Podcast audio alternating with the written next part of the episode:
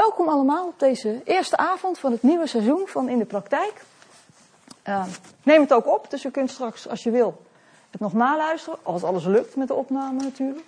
En ik zet de tekst ook op de website, dus als je het nog eens na wil lezen, dan uh, komt het ook op de website. Dat doe ik vrijdag, dus niet gelijk morgen in de app hangen van waar is het.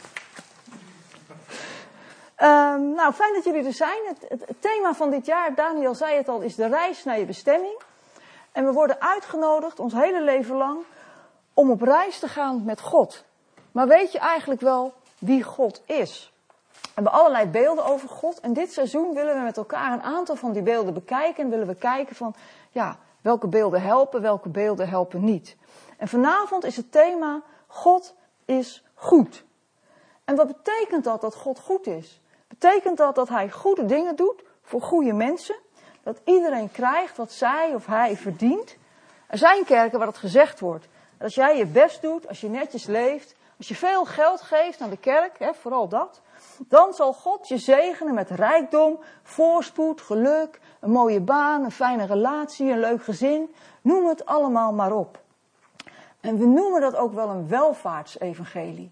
Maar voor je nou achteroverleunt en denkt, nou, in zo'n soort kerk zit ik gelukkig niet, we zijn er vaak meer mee besmet dan we zelf in de gaten hebben. Want we vinden toch eigenlijk wel dat God iets goeds voor ons moet doen, want wij doen tenslotte toch ook iets goeds voor Hem.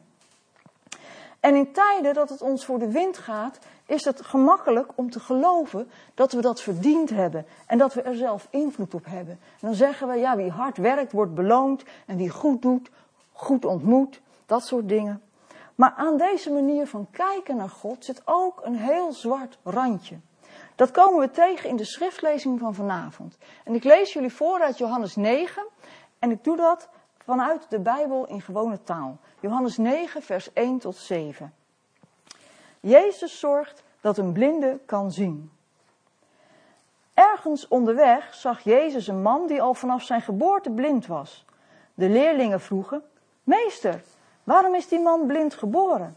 Wordt hij gestraft voor zijn eigen fouten of voor de fouten van zijn ouders? Jezus zei: Die man heeft niets fout gedaan en zijn ouders ook niet. Door zijn blindheid kan ik aan iedereen laten zien hoe God werkt. God heeft mij gestuurd. Ik werk namens Hem. Ik ben het licht voor de wereld. Zolang ik er ben, is het dag. Daarom moeten we nu doen wat God van ons vraagt. Want straks wordt het nacht en dan kan niemand meer iets doen. Toen Jezus dat gezegd had, spuugde hij op de grond en maakte een beetje modder. Hij smeerde de modder op de ogen van de blinde man en zei: Ga je wassen in het badhuis van Siloam. Siloam betekent hij is gestuurd. De man ging weg om zich te wassen. Toen hij terugkwam, kon hij zien. Als je denkt dat God ieder mens geeft wat hij verdient, dan bevind je je in goed gezelschap. Want de leerlingen van Jezus denken dat namelijk ook.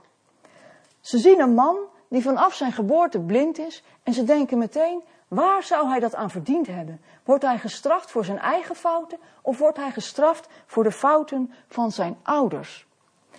En let eens op wat hier gebeurt, want die leerlingen die zien die man eigenlijk niet eens meer. Het enige wat ze zien is het wellicht interessante theologische vraagstuk dat de aanwezigheid van die man oproept.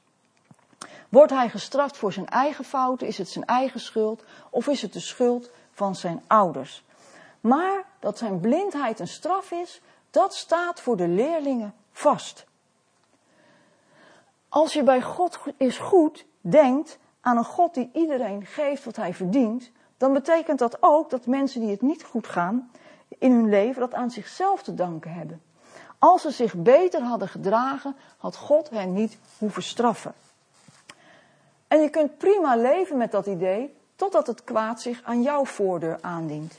Dan ervaar je aan de lijve dat deze gedachte, dat God iedereen geeft wat hij verdient, dat dat een leugen is. Want ben je zo slecht dat je verdient wat je is overkomen? En natuurlijk, we hebben een eigen verantwoordelijkheid voor de keuzes die we maken en de dingen die we doen. Maar heel vaak worden we getroffen door leed en onheil waar we zelf niets of heel weinig invloed op hebben. Of dat niet in de verhouding staat tot de fout die je gemaakt hebt. En dan is dat beeld van God als boekhouder, die iedereen geeft wat hij verdient, ineens een heel zwart beeld en een heel hard beeld. Een beeld dat je te neerdrukt in plaats van hoop te geven. En we raken hiermee ook aan een van de kernvragen van het christelijk geloof. Hoe kan het dat God goed is en dat er tegelijkertijd zoveel kwaad is? En ik zeg het je vast op voorhand, we gaan daar vanavond geen antwoord op vinden. En morgen ook niet en de rest van ons leven ook niet. Flannery O'Connor schreef over dit probleem eens: Het is geen probleem dat opgelost moet worden, maar een mysterie dat verdragen moet worden. En een mysterie is niet een code die we moeten kraken, maar een mysterie roept dingen op die fundamenteel buiten ons bereik liggen, die te groot zijn voor ons verstand. En Tis Warren schrijft daarover in haar boek Bidden in de Nacht. Mysterie is een ontmoeting met een onnavolgbare werkelijkheid. Een erkenning dat de wereld barst van mogelijkheden, omdat die doordrenkt is van de schokkende en onvoorspelbare aanwezigheid van God. Maar wat moeten we nu doen? Hoe komen we er dan achter wat het betekent dat God goed is? Daar komen we achter door naar Jezus te kijken. Want Jezus is naar deze wereld gekomen om ons te laten zien wie God is. Dus laten we nog eens teruggaan naar onze tekst van vanavond. Want daar staat dat Jezus zegt: Die man heeft niets fout gedaan. En zijn ouders ook niet. Door zijn blindheid kan ik aan iedereen laten zien hoe God werkt. God heeft mij gestuurd. Ik werk namens Hem. Ik ben het licht voor de wereld. Zolang ik er ben, is het dag. Daarom moeten we nu doen wat God van ons vraagt. Want straks wordt het nacht en dan kan niemand meer iets doen. Jezus blijft weg uit die discussie hoe het komt dat die man blind wordt.